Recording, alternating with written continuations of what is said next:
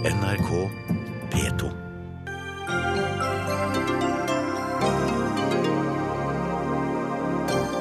Tre menn ble frifunnet for voldtekt mot alle fagdommernes vilje, men ved hjelp av lekdommerne. Hvordan fungerer egentlig prinsippet om at vi skal dømmes av våre likemenn? Toril Vidvei er ikke god nok som styreleder i Statkraft, mener Miljøpartiet De Grønne. Ber næringsministeren vrake sin tidligere kollega og finne en mer ambisiøs styreleder.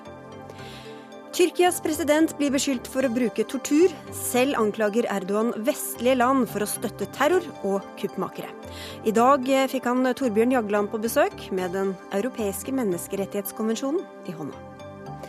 Og Cooper-testen skal undersøke ungdommers kondisjon, men ødelegger for barn og unges selvbilde, mener ungdomsskoleelev, som møter sin egen rektor til debatt.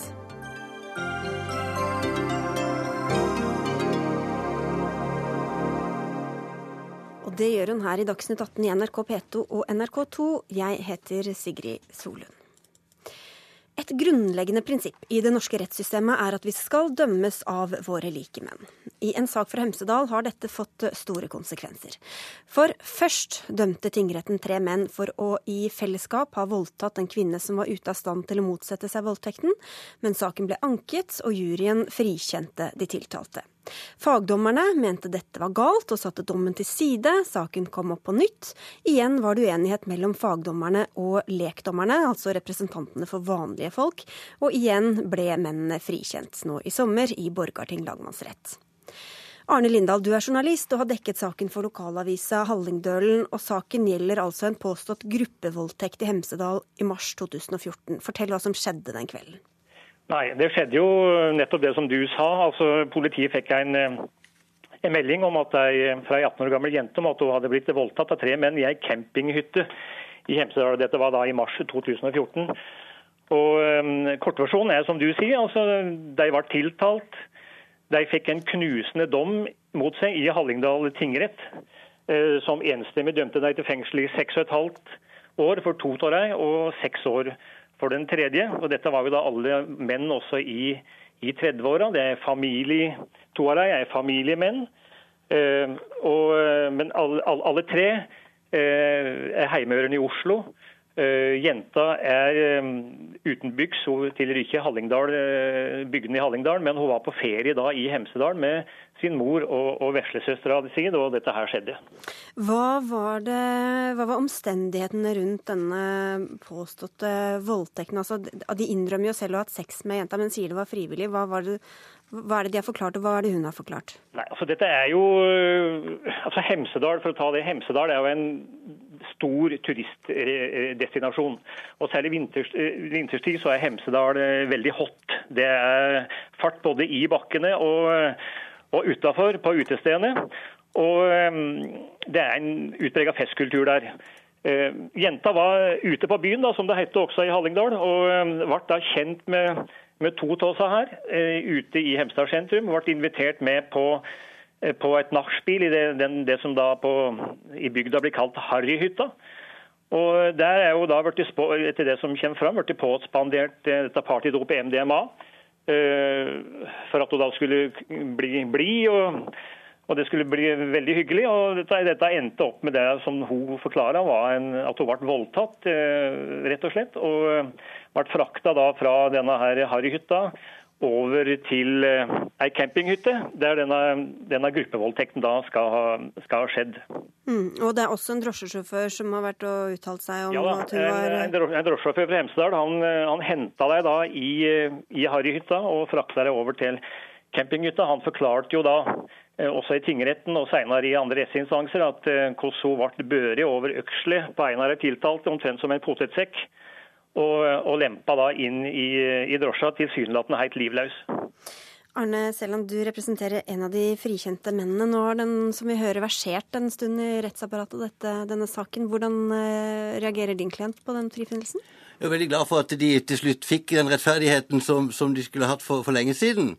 En kommentar til denne journalisten fra, fra lokalavisa som er blitt et slags sannhetsvitne her. Han har ikke vært til stede i Borgarting lagmannsrett ved noen av de to anledningene hvor de tre guttene har vært frifunnet. Så hvordan han kan uttale seg om hva som har skjedd og ikke skjedd, det syns jeg er ytterst betenkelig. Nei, det er ikke så veldig vanskelig å forstå det, Seland, for jeg har dekket saken fra start. Jeg fulgte saken eh, tett i Hallingdal tingrett.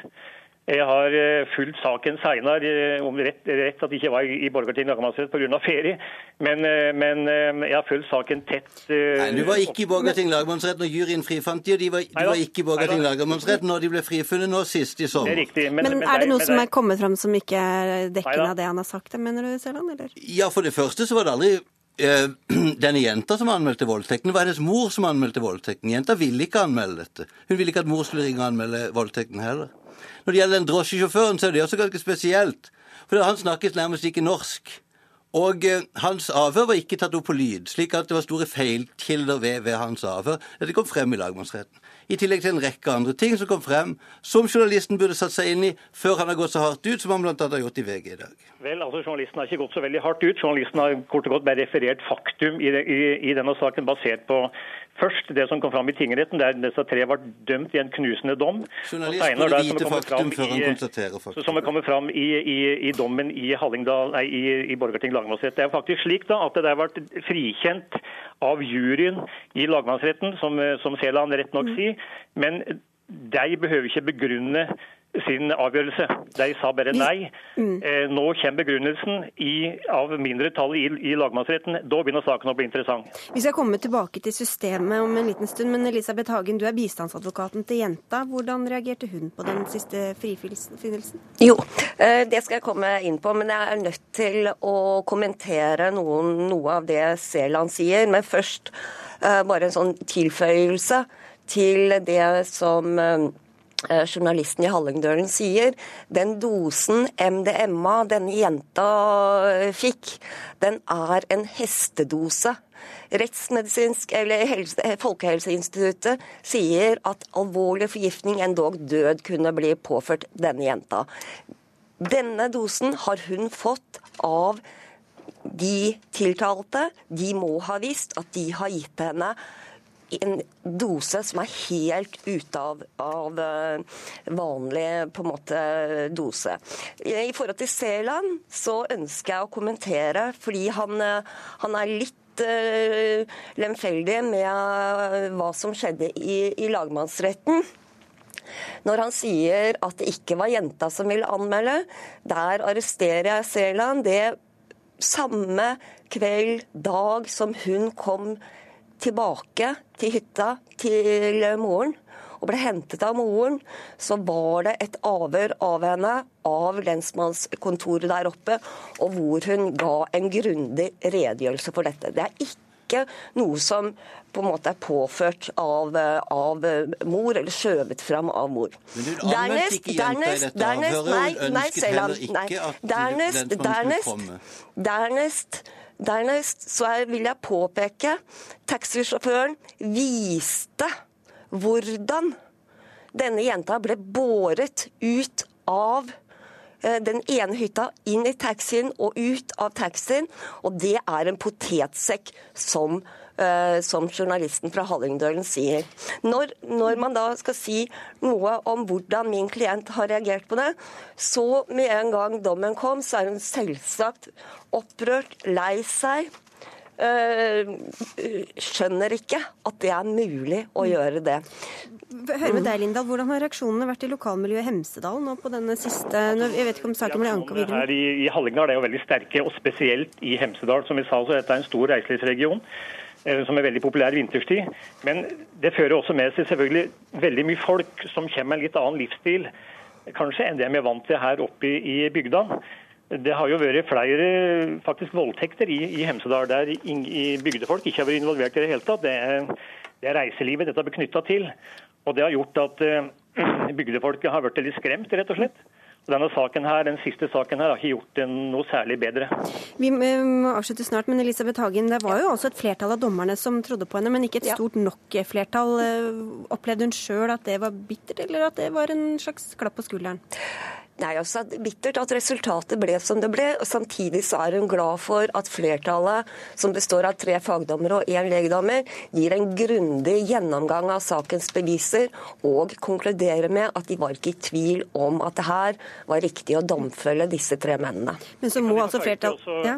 Unnskyld, eh, at dette, eh, dette, har også et annet aspekt. Mm. Eh, altså det et, dette er også et moralsk, Den har en, en moralsk side. Eh, og Det er det jeg tar fram eh, i min, eh, i min kommentar i Hallingdølen, som Seland tydeligvis ikke er helt fornøyd med. Altså, Hvordan kan tre voksne menn dope ei 18 år gammel jente, hygge seg med henne i campingvogn etter tur?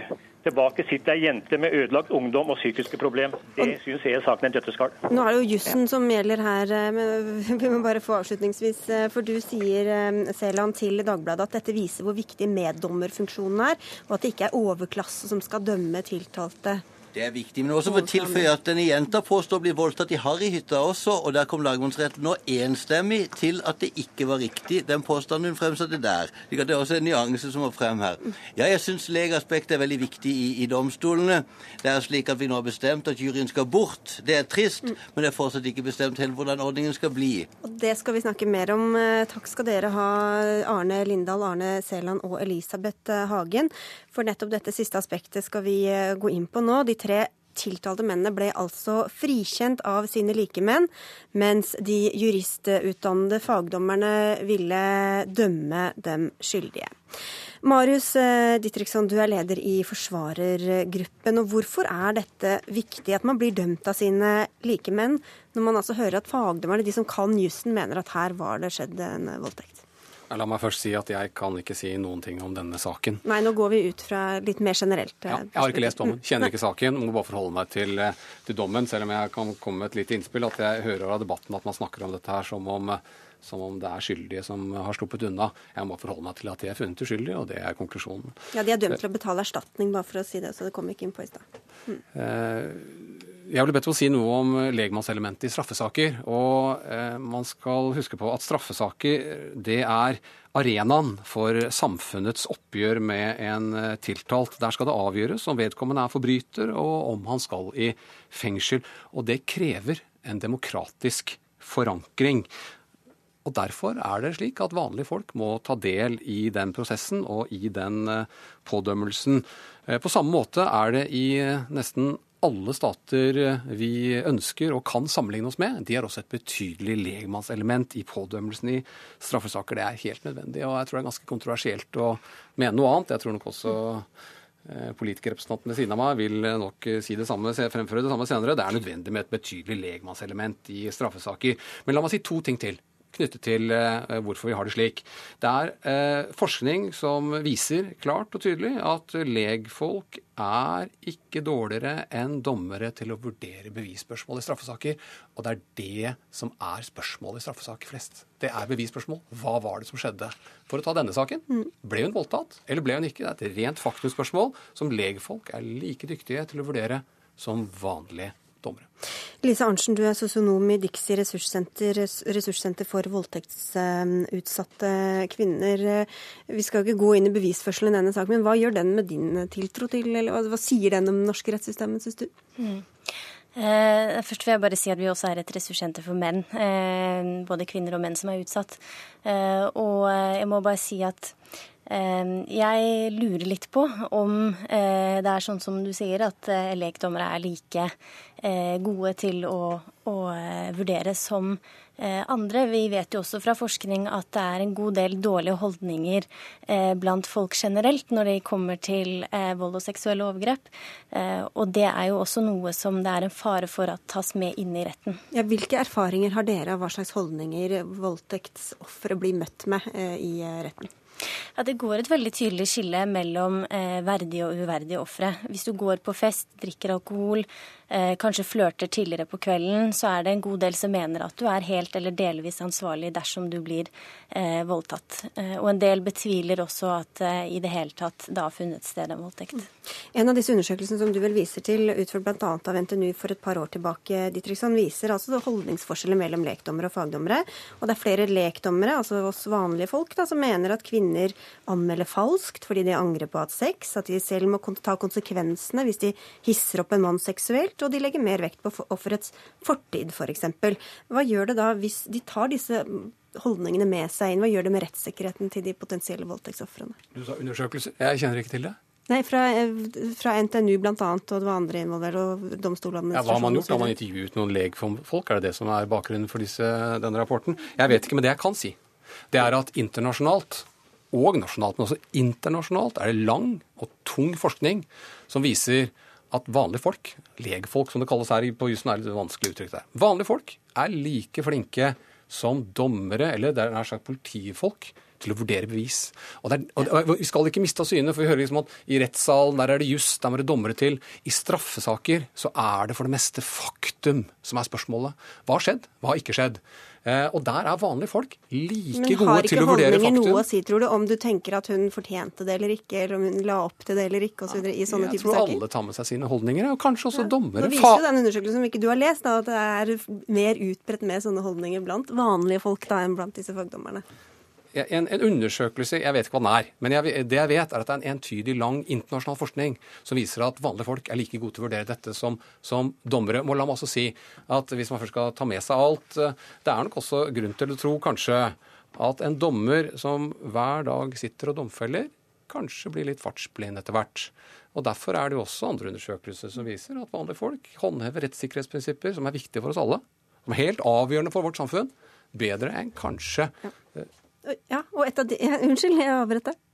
Ja, et av de prinsippene er jo at det er bedre at ti skyldige går fri, enn at en uskyldig går fri eller blir satt i fengsel. Det gjelder jo også i voldtektssaker, Arnsen. Selvfølgelig, eh, og vi er jo absolutt for at det skal være et høyt beviskrav. Eh, vi ønsker jo heller ikke at uskyldige skal bli dømt. Det vi ønsker å sikre, er jo at det blir tatt en rettferdig avgjørelse på et godt grunnlag. Mm.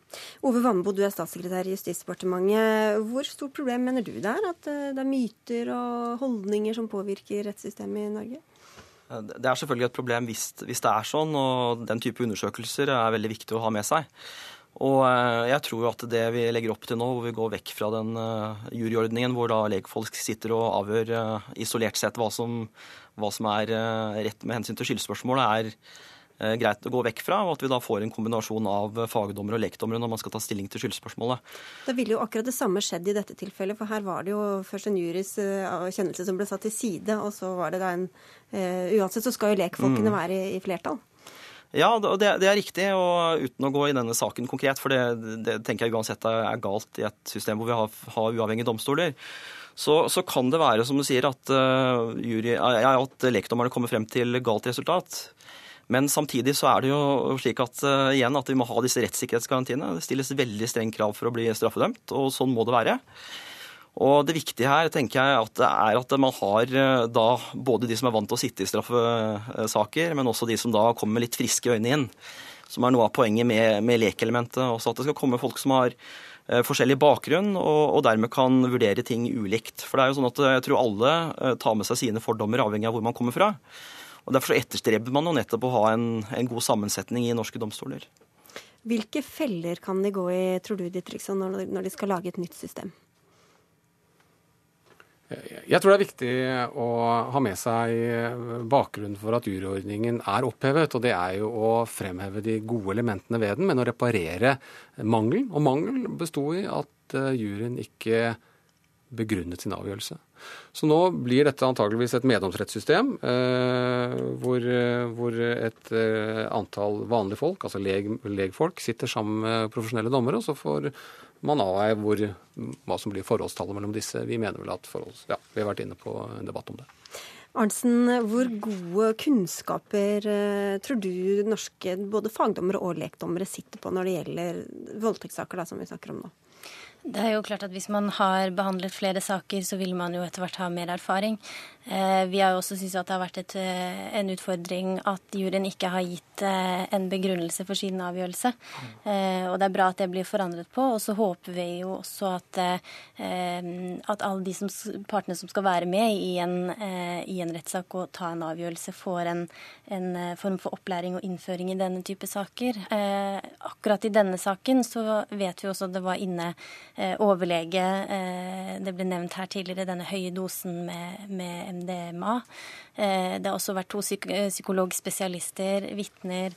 Eh, veldig troverdige vitner og folk som kan mye om dette, og som jeg tenker at det er viktig å, å lytte til. Og ja, jeg, jeg, vet ikke helt hva vi eh, Til tider vet jeg ikke helt hva vi diskuterer, programleder, for å si. Hvis, hvis vi, hvis vi, ja, men hvis vi, er, er det flere domfellelser vi ber om, så tror jeg jeg kan gi svaret på hvordan vi får det. Og det er å etterforske bedre det er å iretteføre saken kraftigere og mer rettet fra aktoratets side, og at politikerne må gi nok ressurser til aktørene i rettsprosessen for at dette skal kunne muliggjøres. Det er helt viktig og helt sentralt, og da vil skyldige bli dømt, og uskyldige vil bli frifunnet. Ordningen må ikke være, og jeg får litt følelsen av det, at vi må gjøre strukturelle endringer i avgjørelsesprosessen for å få dømt flere. Man skal bruke det samme avgjørelsesgrunnlag som her, som medfører en frifinnelse uskyldige, altså. Men så skal vi gjøre noen strukturelle endringer for å få flere domfellelser. At uskyldige altså skal bli dømt. Sånn må vi ikke ha det. Eh, så jeg har eh... Ja, Arnsen? Ja, nei, det virket som om det var retta litt mot deg. Ja, nei... Eh... Som sagt så er ikke vi for at uskyldige skal bli dømt heller. Men vi vet jo også at omfanget av vold og overgrep i Norge er veldig stort. Eh, og at eh, de aller fleste går fri. Det er nærmest risikofritt å voldta. Jeg er helt enig med deg i at det må mer ressurser til, til politi og, og, bedre etterforskning til, selvfølgelig.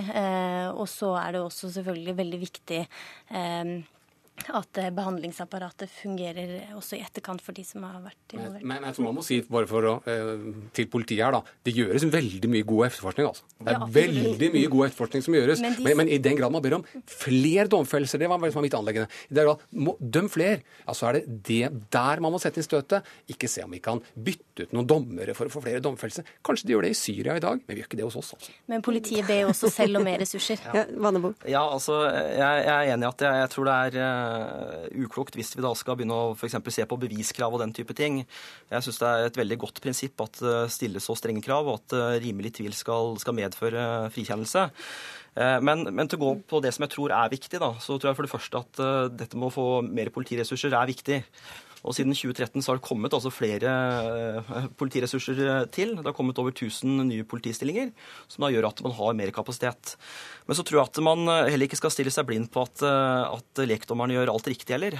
Noe som man har sett, og som undersøkelser avdekker, er at det kan være uklarheter rundt hvordan jussen skal forstås. Da kan, da, men da går det ikke nødvendigvis på vurderingen av hva som er skjedd, men da går det på spørsmål som var det sånn at han kastet dette glasset på, på den andre personen? Hvor man da har sett tilfeller hvor eh, det har vært uklart om man eh, kun skal konstatere at det er skjedd, eller om det faktisk er gjort med vilje, som da selvfølgelig er, er det viktige spørsmålet. Og da tror jeg jo at Hvis man da får fagfolk og lekdommere sammen, så vil man kunne oppklare de misforståelsene og gjøre at man får en, en god ordning som ivaretar de gode sidene ved Kan det ikke også være at man havner i fagdommernes vold? At man liksom stoler for mye eller blir for påvirket av dem? hvis de skal sitte sammen? Det er en ganske vanlig innvending som eh, jeg tror er veldig viktig at vi tar på alvor. Men samtidig så har juryutvalget, som eh, kom med den siste offentlige utredningen om spørsmålet, sett på nettopp det. Og det man så der, var at det er ingenting som tyder på at fagdommerne overkjører lekdommerne. Hvis man så noen grad av overkjøring, så var det at noen lekdommere overkjørte andre lekdommere. Så alt av undersøkelser viser at uh, på det punktet så er det ikke noe fare. og Lekdommere oppgir også selv at de er eh, mest fornøyd med ordninger hvor de da sitter sammen med fagdommere og treffer en felles beslutning. Da får vi se hva dere kommer opp med etter hvert. Og så si tusen takk for at dere tok dere tid til å komme til Dagsnytt 18 eh, i dag, statssekretær Ove Vanebo, Lisa Arntzen og Marius Ditriksson. Takk skal dere ha. Dagsnytt 18 alle hverdager klokka 18. På NRK P2 og NRK2.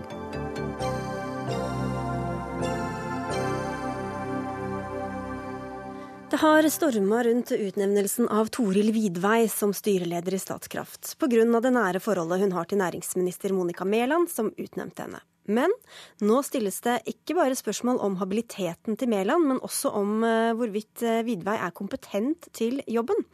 Miljøpartiet De Grønne mener at Mæland bør benytte anledninga til å finne en bedre styreleder i Statkraft, og i Klassekampen i dag karakteriseres Vidvei som en kjedelig Høyre-administrator. Av deg, Rasmus Hansson, du er stortingsrepresentant og nasjonal eh, talsperson for MDG. Hvorfor er ikke Vidvei en god nok styreleder for Statkraft? Fordi nå skal Norge gjennomføre uh, tidenes omlegging av uh, hele energisamfunnet vårt for å oppfylle Parisavtalen og uh, avtalen med EU om å kutte klimagassutslippene enormt og gjøre Norge til et bærekraftig og fossilfritt samfunn. I det arbeidet er Statkraft et helt sentralt virkemiddel. Og Derfor trenger Statkraft en styreleder som virkelig har visjoner, som kan tilføre det selskapet kraft og energi og entusiasme. Eh, og det er det motsatte av det den sittende regjering har gitt Statkraft. De har nappet teppet vekk under Statkrafts store vindsatsing og melket det for eh, masse ekstra penger. Statoil får beholde mye mer av overskuddet sitt enn Statkraft får. Og Derfor satser Statoil på vind, men Statkraft ikke får lov. Men det er jo ikke Vidveis eh, skyld. altså, hva, jo, du, du, du, kaller henne teknisk faktisk, kompetent. Vi, vi, Vidvei har faktisk sittet i den regjeringen som har gjort dette. Uh, og da er det et trist Men nå går hun jo inn i en ny rolle, da. Hvordan kan ja, du vite at hun, hun ikke har de visjonene du etterlyser? Ja, Hun eh, kan jo f.eks. si det, da, hvis hun har de visjonene jeg etterlyser. Det et veldig, ville være et veldig naturlig tidspunkt å avsløre det på. Hittil så er poenget med Toril Vidvei ikke at hun er inkompetent. Hun har jo vært olje- og energiminister, er en dyktig og erfaren politiker. Hun er selvfølgelig kompetent til å gjøre en sånn jobb. Men hun har aldri vist fnugg av de visjonene eh, og den nytenkingsviljen som Statkraft trenger akkurat nå. Og siden eh, næringsminister Mæland nå har trasla til denne avgjørelsen eh, eh, allerede, så bør hun benytte den forvirringen som har oppstått, til å endre det valget hun foreløpig har gjort, og gi Statkraft en bedre og mer nytenkende og visjonær styreleder. Ja, Frank Jensen, du er stortingsrepresentant for Høyre. Hvordan reagerte du på Hanssons uttalelser om Vidvei i dag? Jeg er overraska over at Hansson eh, kan være i stand til å forhåndsdømme en eh, kompetent eh, styreleder på den måten, som han innrømmer nå at han for så vidt også gjør. At han, at han ikke vet heller om, om Vidvei faktisk kan innfri på noe av det han ønsker. Men det jeg reagerte mest på, det er at det, det er den måten Rasmus Hansson avskriver Toril Vidvei på, som jeg syns er ganske ufin. Det ligner veldig på den argumentasjonen vi opp gjennom årene har hørt fra gutteklubben Grei, når han avskrive en, veldig, en av Norges mest erfarne eh, styremedlemmer, en erfaren statsråd også på dette eh, feltet, en, en, en person som ganske nylig også ble rekruttert inn i styret i Kverner av Kjell Inge Røkke. Så så undergraver eh, Hansson en sånn kompetanse ved å kalle det for teknisk kompetent, ved å kalle det for kjedelig administrator. Det er en type gubbete uh, karakteristikk. Det er en type gutteklubbkarakteristikk som jeg faktisk heller ikke tror at Rasmus Hansson ville ha gitt hvis det hadde vært snakk om en mann som hadde vært eh, tildelt dette vervet. Hvorfor tror du ikke det? Nei, det, det, det ligger sånn, altså det ligner. Det, det, på en måte, det er et mønster i det her. Altså det, det, over tid så har vi sett at det er denne type kritikk som blir fremført mot dyktige kvinner. Men for, å ta, for å ta uh, kompetansen til, til Vidvi Det er faktisk sånn at uh, hun har som sagt eh, en bred bakgrunn. Når Hansson etterlyser det han kaller for en vital, visjonær og kraftfull styreleder, ja, så høres det dels ut som et kodespråk liksom for at en mann skal argumentere for en mann. Det er på en måte sånn vi har hørt det i andre debatter før.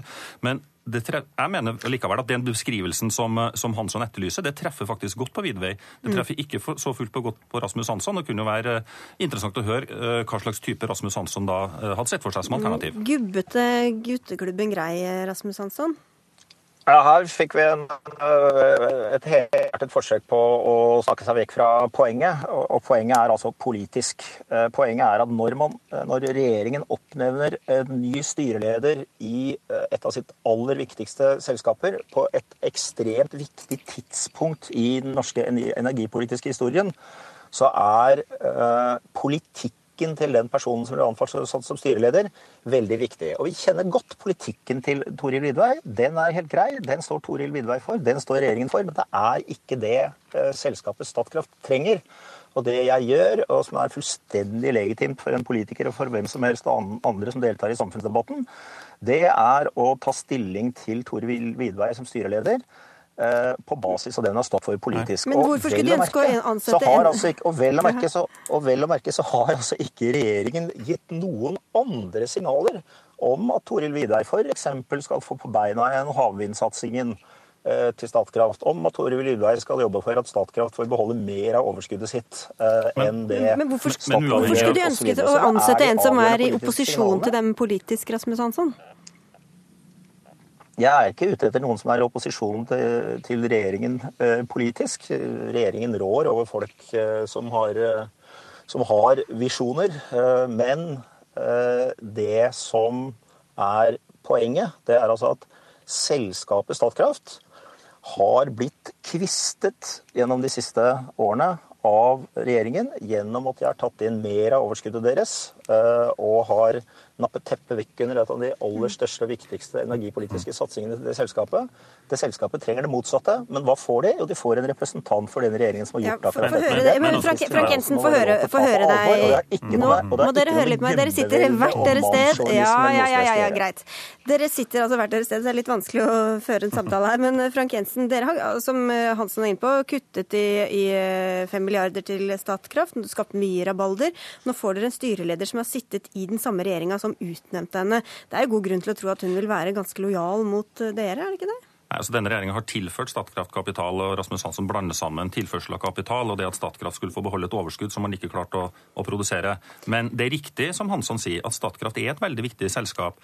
Men når Hansson da desavuerer og undergraver styreerfaring og kompetanse. Og sier det at helst så skulle man hatt inn en styreleder som ikke hadde så bred styrekompetanse. Han vil faktisk ha noen med mindre kompetanse, åpenbart for å føre en politikk som Ja, men altså, man, det, er det, du, det du sier, at stillingen er for viktig til å deles ut til det du kaller styregrossister. Da undergraver du reell kompetanse. Det høres på meg ut som at Hansson helst, helst ville hatt noen med mindre kompetanse enn Vidvei, og som i tillegg skal føre en politikk som ligger nærmere hjertet til De grønne. At det er det han egentlig ønsker. Men hva slags kompetanse kompetanse har hun på dette området, utover at hun var eh, olje- og energiminister i 2004 og 2005, som jo er ganske lenge siden, og hvor det har skjedd en ganske stor utvikling på energimarkedet og miljø, eh, energifeltet siden den gang?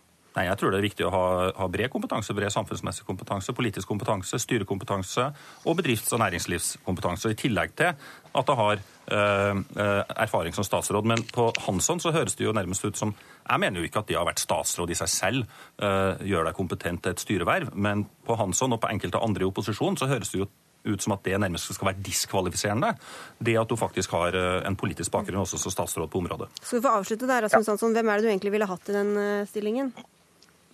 Jeg har ikke noe navn som jeg vil ha i den stillingen, men jeg gjør altså det elementære å bedømme Statkrafts nye styreleder på basis av den politikken hun har eh, stått for. Det har ikke noe med dressavleveringen noe som helst å gjøre. Det har med å ta stilling til den politikken som eh, Statoils styreleder, Statkrafts unnskyld, styreleder står for. Og jeg ønsker selvsagt en politikk som ligger nærmere De grønnes hjerte. Det skulle vi bare mangle.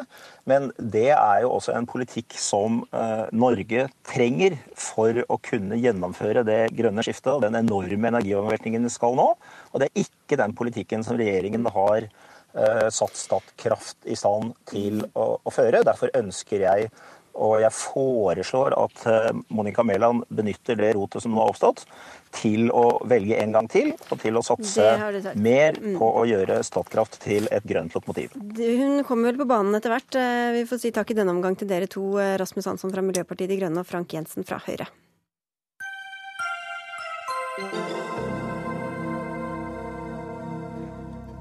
Verdenshavene fylles opp med plast, og nå kan den også havne på norske middagstallerkener. For dyr og små organismer tror at de små plastbitene er mat og gomler i vei. Dette fører til indre skade hos dyrene, og kan i verste fall føre til at skadelige miljøgifter føres oppover i næringskjeden og til slutt havner på våre matfat. Nå har nemlig forskere ved Norsk institutt for vannforskning for første gang dokumentert plastbiter i norsk torsk. David Pettersen Eidsvoll, du er forsker ved Norsk institutt for vannforskning, og du har vært med på å gjennomføre denne studien. Hva viser den om hvor omfattende dette problemet er? Dette er i bunn og grunn en studie som uh, viser seg at de store mengdene med plast de finner man ikke i Norge. Men uh, hvis man leter sørover, kanskje langs de stedene som er nærmere tettere populiserte strøk, som rundt Frankrike og rundt England, i Den engelske kanalen, der finner man masse mer. Men det som er urovekkende, er at man finner det også i Norge. Uh, så det er på en måte det som jeg personlig syns er mest urovekkende. Og i Bergen fant dere ganske mye av den? Ja, det var, det var en hotspot, så å si, i Bergen. Uh, Hvorfor det var i Bergen, det er kanskje noe mer spekulativt fra vår side, for det har vi ikke på en måte tatt med i studiet. Vi skulle bare dokumentere hvorvidt det var eller ikke var plast i disse fiskemagene. Men så er det altså litt regionale forskjeller rundt omkring i Norge hvor dere finner det, og ikke i Oslo var det ingenting, så vidt jeg har forstått.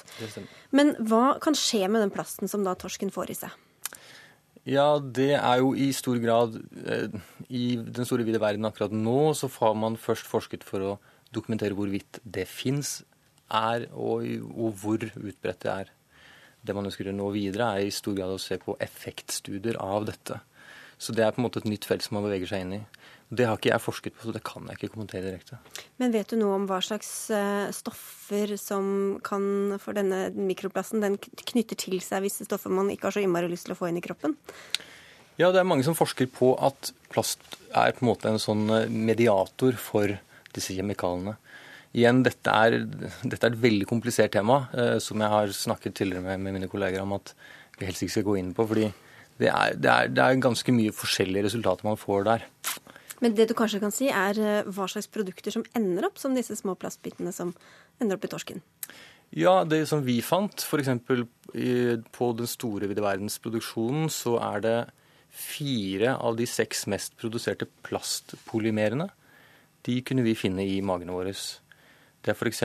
plast som brukes i, i, tøy, altså i fibre, eller i emballasjer, eller i eh, bankkort eller strips og den type ting. Og det kommer da, hvor, hvor, Dette er plastsøppel rett og slett, som folk kaster fra seg, eller hva, hvor er det det kommer fra? Ja, igjen, Dette er jo ting som vi ikke har sett på i det studiet her. Men uh, det er jo uh, åpenbart et søppelproblem. Uh, det er jo ikke noe som skal være der. Lars Andreas Lunde, du er statssekretær i Klima- og miljødepartementet. Nå har norsk fisk nok imageproblemer fra før om ikke vi skal ha plast i det i tillegg. Hva gjør dere for å hindre at dette skjer? Ja, det er riktig at dette er dessverre et økende uh, miljøproblem, både for norsk fisk og for så vidt også for, for utenlandsk fisk. Uh, dette må vi løse både internasjonalt og, og, nasjonalt. Norge har lenge vært en pådriver internasjonalt for å redusere forurensningen av plast, og særlig mikroplast uh, globalt. Heldigvis så fikk vi gjennomslag i FNs miljøforsamling nå i mai for at FNs miljøprogram skal ta en total global gjennomgang av det internasjonale regelverket og avtaler på dette området, for å se om dette er godt nok til å, til å stanse dette, dette, store internasjonale miljøproblemet.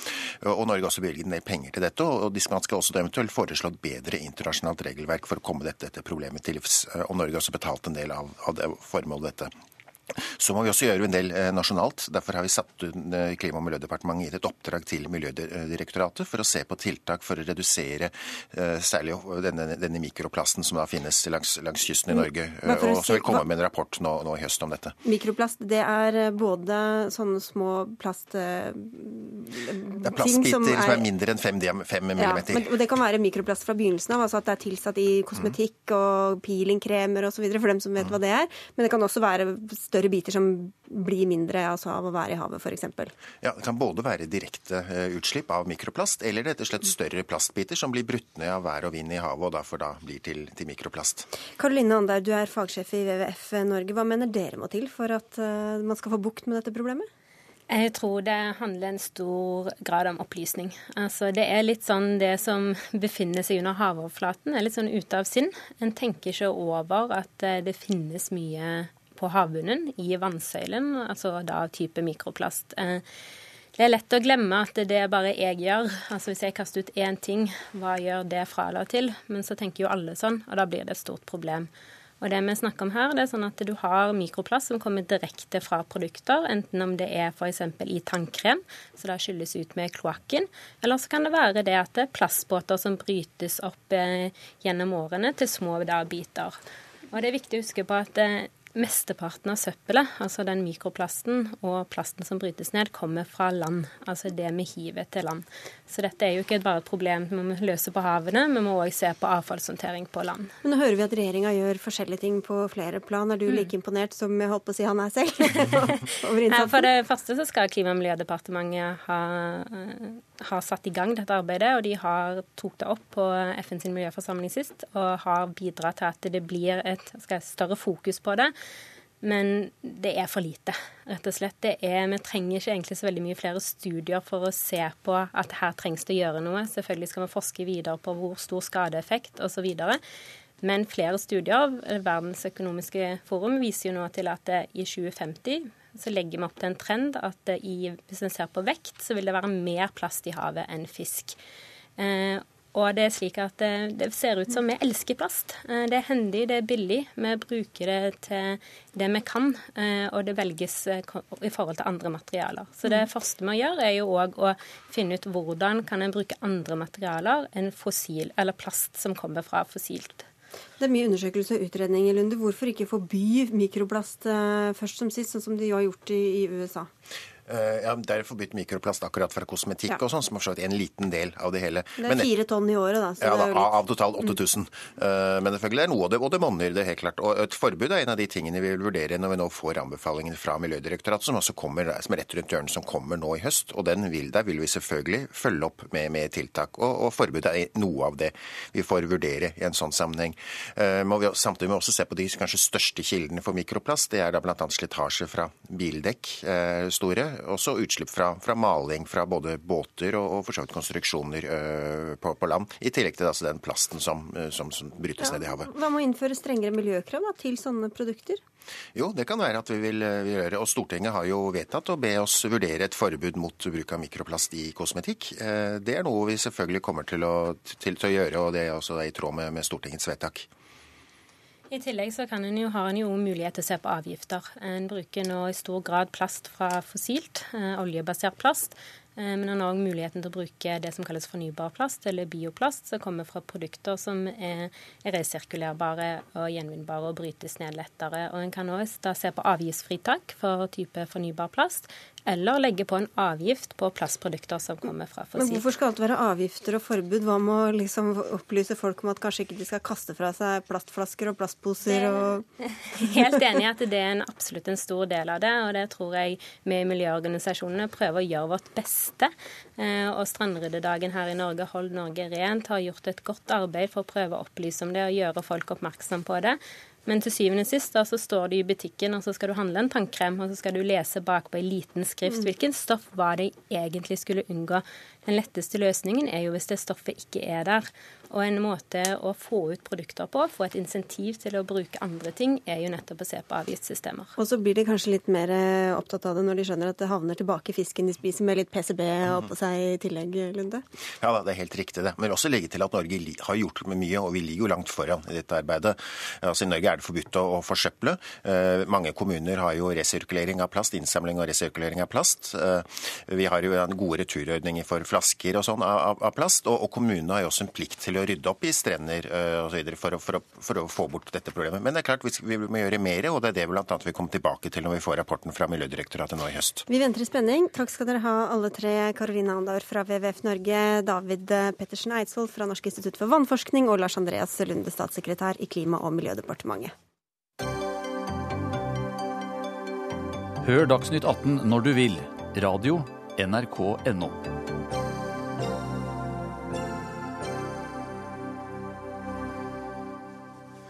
Skjelvende bein varmer opp, eh, uvissheten henger i lufta, og nervøse blikk veksles fram og tilbake. Inni hvert hode strømmer det tusenvis av tanker. Hvordan kommer det til å gå? Hva vil skje etterpå? Hva vil de andre tenke? Sånn beskrives den fysiske prøven Cooper-testen i et innlegg i Aftenpostens side. Norske lærere har brukt Cooper-testen siden 70-tallet. De fleste ungdomsskoler og videregående skoler bruker testen fortsatt. Og for dem som har glemt eller fortrengt, testen går altså ut på at elevene skal løpe så langt de klarer på tolv minutter, og resultatet regnes med når læreren setter karakter i gym.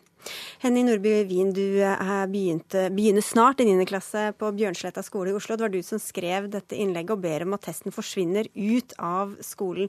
Hvorfor vil du kvitte deg med den? Ja, det er mange grunner til at jeg ikke syns den er så veldig bra. Fordi jeg syns at man starter ulikt. At den testen setter en standardperson. At elever starter ulikt med ulik frykt og ulik press fra både en selv og andre. Så hvis man da ikke får den til så fint, eller ikke klarer den så bra, eller klarer den veldig bra, så kan det være ulike press man kan føle fra selv og andre. Og fordi den setter veldig dumme krav da, på, til tabell som sier eh, noe etter hvor eh, Hvis du f.eks. har løpt ditt livsløp da, og klarer så mange runder du klarer, så kan du få toeren. Så den går altså bare på ferdigheter. Mm. Og ikke på innsats, som den burde gå på. Hvordan var det, Du klarte deg ganske bra sjøl, ettersom hva jeg har forstått. Men ja. hvordan var det å ta denne testen for uh, også medelevene dine? Ja, På den dagen var det veldig mange som grudde seg veldig.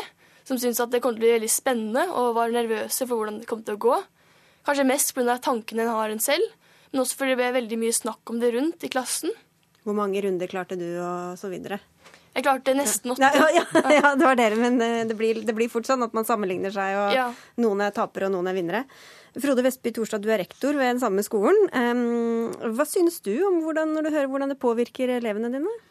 Jeg, jeg, må bare få lov å aller først bare si at jeg er veldig stolt over å være her sammen med Henny. Da. Det, det føler jeg som rektor at jeg må få lov å starte med, fordi at jeg syns at engasjementet hennes er jo helt fantastisk. Og det at hun tar dette opp på den måten og, og, og får det opp i, i Dagsnytt 18, det er jo veldig, veldig stas. Det må vi lytter bare... til ungdommen, vi, vet du. Ja, og det gjør vi også. De lytter ikke til oss, men uh, ja. Nei, altså eh, For det første så, så eh, Du sa innledningsvis at eh, elevene får karakter på, på, prøven. Vi gjør ikke det hos oss. Hos oss så er meningen med testen det er å gi elevene et utgangspunkt for en avsjekk av hvor utholdende er du, og så bruke det som en benchmark for å sjekke ut hva slags utvikling du har. Eller utvikling av utholdenheten. Og så er det jo refleksjonen rundt hvorfor eh, blir utviklingen sånn som den blir, det er det sentrale. Man tar den igjen året etter eller etter ja. et halvt år og ser hvordan det har gått? Nettopp. Man gjør den, og så er det en periode, og så er det en ny test. Eh, det er jo hele eh, Det er sånn vi gjør det. Hvordan de gjør det på andre skoler, det skal ikke jeg svare på. Men, men, poenget for oss det er jo at her er det refleksjonen rundt utviklingen som er det viktige. Og så må jeg bare si at jeg skjønner jo når jeg leser hva Henny skriver, så skjønner jeg at vi ikke helt klart å, har klart å formidle det. da til elevene på en god nok måte. Og det må vi jo bare ta ja. skikkelig på alvor. For... For, du, for... du, sier at det ødelegger selvbildet til en del av de unge? Ja, for det er veldig mye press rundt den testen som folk føler på, og som jeg syns ikke burde oppstå. da. For jeg tenker mest generelt på skoler når det gjelder karakter, ikke bare på vår skole. Mm. Vi skal ha med en tredjeperson her. Petter Erik Leirhaug, du er lektor ved Høgskolen i Sogn og Fjordane og er doktorgradskandidat ved Norges idrettshøgskole, hvor du forsker på vurdering av elever i gym. Hvordan bruker norske gymlærere Cooper-testen i dag? Ja, eh, nå har de jo allerede sagt litt, eh, Henny mm. og rektor Frode her. Og Det er jo et godt utgangspunkt eh, for drøfting. Men jeg må nok dessverre, vil jeg tilføye, bekrefte at det Henny beskriver, både her og i innlegget i Aftenposten, virker å være en eh, ganske treffende beskrivelse av hvordan resultater fra ulike tester av mange kroppsøvingslærere blir brukt til vurdering og karaktersetting. Vi har ingen landsdekkende oversikt over det, men mindre studier fra ulike deler av landet tyder på at bruk av Coopers test og lignende tester relativt ofte kobles til vurdering, og at for ungdomstrinn og videregående skole så praktiseres det kanskje av så mange som en 70-80% av skolene. Og når jeg sier dessverre, mm. så er det fordi at det står ingenting om det testing i læreplanen for kroppsøving, og kompetansemålene er ikke formulert på en måte som stiller krav til at elevene skal springe fort, kunne ta et visst antall armhevinger eller eventuelt hoppe langt. Derfor så er den typen bruk av tester som den Henny beskriver, og som det innledningsvis her ble beskrevet, problematisk og i så fall i stikk i strid med læreplan og intensjonene i regelverket for vurderinga. Vestby Torsa, du sier at dere ikke bruker den til å sette karakter, men eh, hvor sikker er, altså kan man få sex i gym og gjøre det helt elendig på denne testen f.eks.? Ja, I prinsippet så er det ikke noe Men i praksis? Ja, altså, jeg, kjenner jo ikke, jeg kjenner ikke til et konkret eksempel hvor en elev har gjort det da, sånn som du, det, hvordan du beskriver det, gjort det veldig dårlig. Fordi han sier at det fungerer ikke etter I virkeligheten så fungerer det ikke sånn som du sier. Nei, altså jeg, jeg skal ikke være så eh, arrogant og si at det har aldri skjedd på, på, skolen hos oss, men det er i hvert fall ikke sånn vi eh, mener at eh, tester i det hele tatt skal brukes. Eh, men eh, at det kan ha forekommet, det, det kan være. Det, så eh, ærlig må jeg jo være. Men, men, det er i hvert fall ikke meningen overhodet. Og det er jo klart at det er jo mitt ansvar som rektor og alle andre skoleledere å sørge for da at eh, elevene opplever i praksis det jeg sitter og sier nå. Da. Mm. Jeg må jo bare si til alle som tenker at det her er en uh, liten sak, at det er gymkarakteren teller jo faktisk like mye som alle andre karakterer når man skal uh, inn på videre studier. Lærhag, hvordan, men, men, hvordan fungerer det for elevene? Hvor godt egner den seg for å motivere dem til videre fysisk fostring og varig treningsglede osv.? Ja, øh det høres jo at det er en diskrepans eller et, skille mellom litt hva Henny sier og Frode sier her. Og Fra forskninga så er det ingenting som tyder på at den rådende praksis med testing bidrar til økt bevegelsesglede og læringsutbytte i faget. En del lærere gir eksempler på at uh, testene motiverer elever til å gi litt ekstra og trene mot et mål. Men forskninga tyder altså på at det for de fleste elevene heller virker motsatt, og i verste fall har negative konsekvenser for selvbildet og opplevelse av deres egne kroppslige muligheter. Hvordan kan det da ha seg at så mange, du sa mellom 70 og 80 av norske skoler bruker denne testen? Vi har vel ikke noe forskningsbasert godt svar, men eh, det har vært en tradisjon for den typen testing. og det er vel kanskje et veldig enkelt middel for å kunne dokumentere eventuelt karaktersetting eller uh, vurdering, uten at en da har arbeidet så mye med en faglig kompetanse. Noe som Frode, rektor her, beskriver at uh, intensjonen peker i en annen retning, mm. men at elevene kanskje opplever det på en annen måte. Hvor grundig har dere egentlig tenkt gjennom om denne testen er noe dere vil ha på skolen? Altså, dere drar nytte av? Ja, altså, har, det har faktisk vært oppe til diskusjon med lærerne. Eh, og eh, altså, Jeg har lyst til å presisere at dette her er jo en, en, liten del av hele kroppsøvingsundervisningen. Det er liksom ikke sånn at på Bjørnsletta skole så er det Cooper-testen vi driver med, og så er det kun det. Eh, kroppsøvingsfaget er jo veldig mye mer enn det. Men, eh, men det har vært oppe til diskusjon. Og altså, som jeg nevnte innledningsvis, så er det tidligere så var det helt sånn, klart sånn. altså Løp du så og så fort, så fikk du den karakteren. Den praksisen den er ute. Nå skal den type testing Eh, skal brukes til å måle utvikling for den enkelte elev. Og da skal jo eleven sammenligne seg med seg selv. Det er jo hele poenget. Også, jeg, jeg, kjenner at vi har en del å gå på, det hører jeg jo Henny sier. Så jeg, det tar vi absolutt på alvor. Vi tror henne på det. Og Det høres ut som forskeren ber deg kvitte deg med den. Vil du også be han om å, at du har løpt din siste Cooper-test? Ja. Jeg syns at gymkarakteren bør gå på innsats og læring og utvikling, ikke bare hva du klarer på én dag. For karakteren settes på testen, ikke på hvordan du utvikler deg i forhold til flere tester. Jeg tror det er duket for et møte mellom rektor og gymlærer her. Og ja, det kan jeg jo love Henny at det kommer vi, til å, vi kommer jo til å ta dette opp selvfølgelig i personalet eh, med faglærerne. Det, det, er helt klart. Takk skal dere ha alle tre. Frode Vestby Torstad, fra, som er rektor ved Bjørnsletta skole, og til deg, Henny Nordby Wien, som er eh, elev, og til Petter Erik Leirhaug, som altså er eh, doktorgradskandidat ved Norges idrettshøgskole.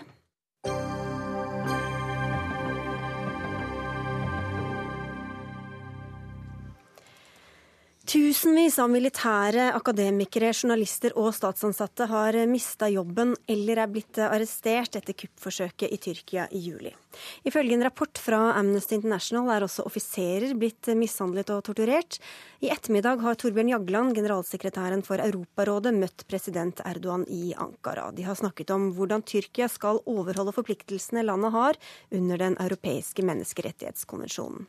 Kristin Solberg, du er Midtøsten-korrespondent, og du er i Ankara og følger møtet. Hvordan har det gått? Ja, I dag har Torbjørn Jøgland hatt en rekke møter med president Erdogan, med utenriksminister og statsminister her i Tyrkia. Eh, møtene de fortsetter. Eh, det, han, eh, det Jagland sier, er at tyrkerne setter veldig pris på at han kommer. Tyrkerne har vært nokså såre for det de opplever som manglende støtte fra sine vestlige allierte etter kuppforsøket i, i midten av juli. Eh, men så har det også vært en mer alvorlig melding her, og det er meldingen om eh, menneskerettighetene. Og hvor viktig det er at Tyrkia holder seg til eh, sine internasjonale forpliktelser. Det sier Jagland etter møtet med Erdogan, at Erdogan hørtes lydhør det hørtes ut som han var lydhør til det, den meldingen. Men så gjenstår det å se nå i praksis hva, hva som vil komme ut av det. Joakim Parslov, du er førsteamanuensis i Midtøsten-studier ved Universitetet i Oslo. Hvor viktig vil du si dette møtet er? Jeg tror det er eh, veldig viktig på flere måter. Eh, men, men, først og fremst tror jeg det er viktig eh, symbolsk. Nettopp som, som Kristin Solberg her sier, så, så, er det veldig mange såre følelser i Tyrkia akkurat nå. Jeg tror vi er vanskelig her hjemme for å forestille oss akkurat hvor stor kløft det er akkurat nå mellom hvordan prosessen etter dette kuppforsøket fremstilles i massemedia her hjemme, og hvordan det fremstilles i Tyrkia. Eh, det er, som, det er omtrent som natt og dag. Her, er, her har nesten alt fokuset vært på eh, kommer Erdogan til å bli mer autoritær etter dette, ikke sant, osv. osv.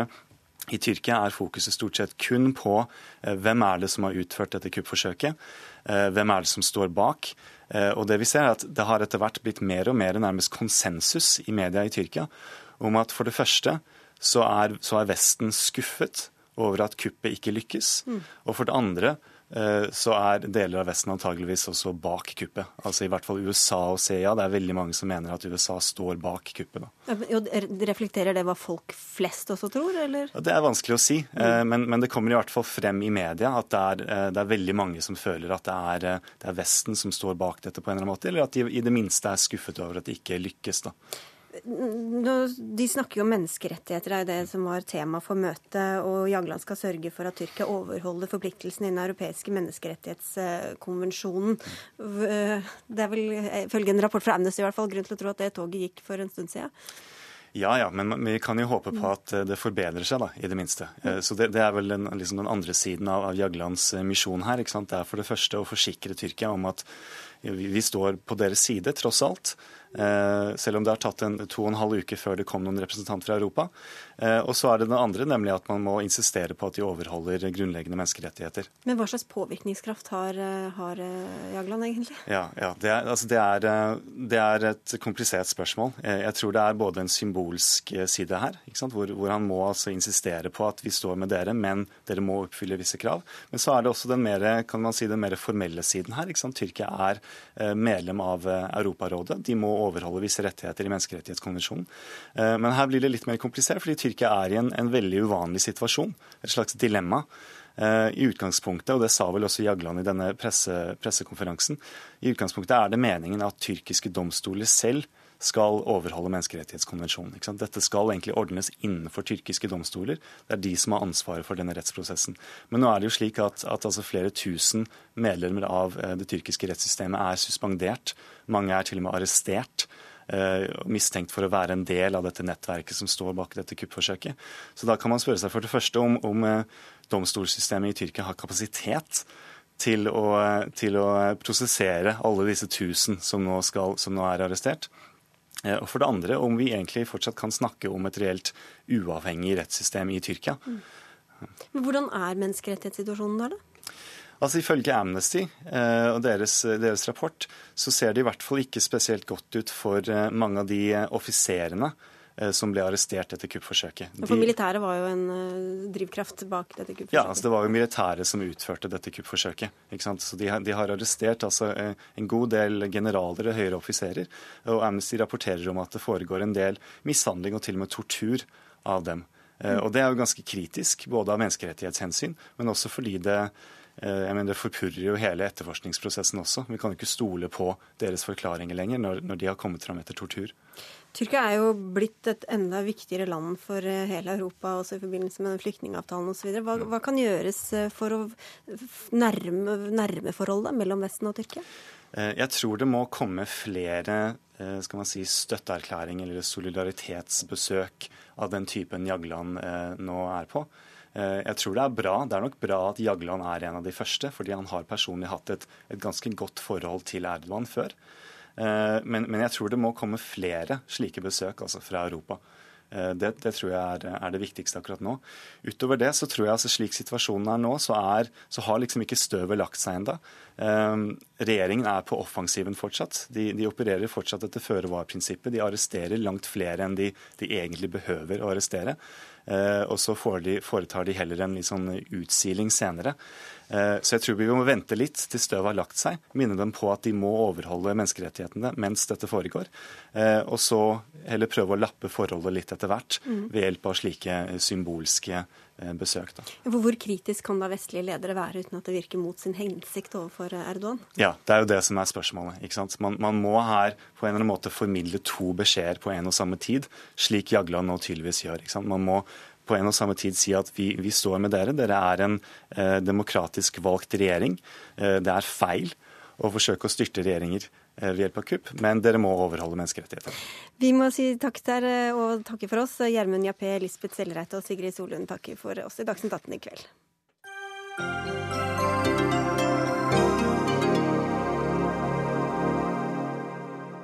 Hør flere podkaster på nrk.no podkast.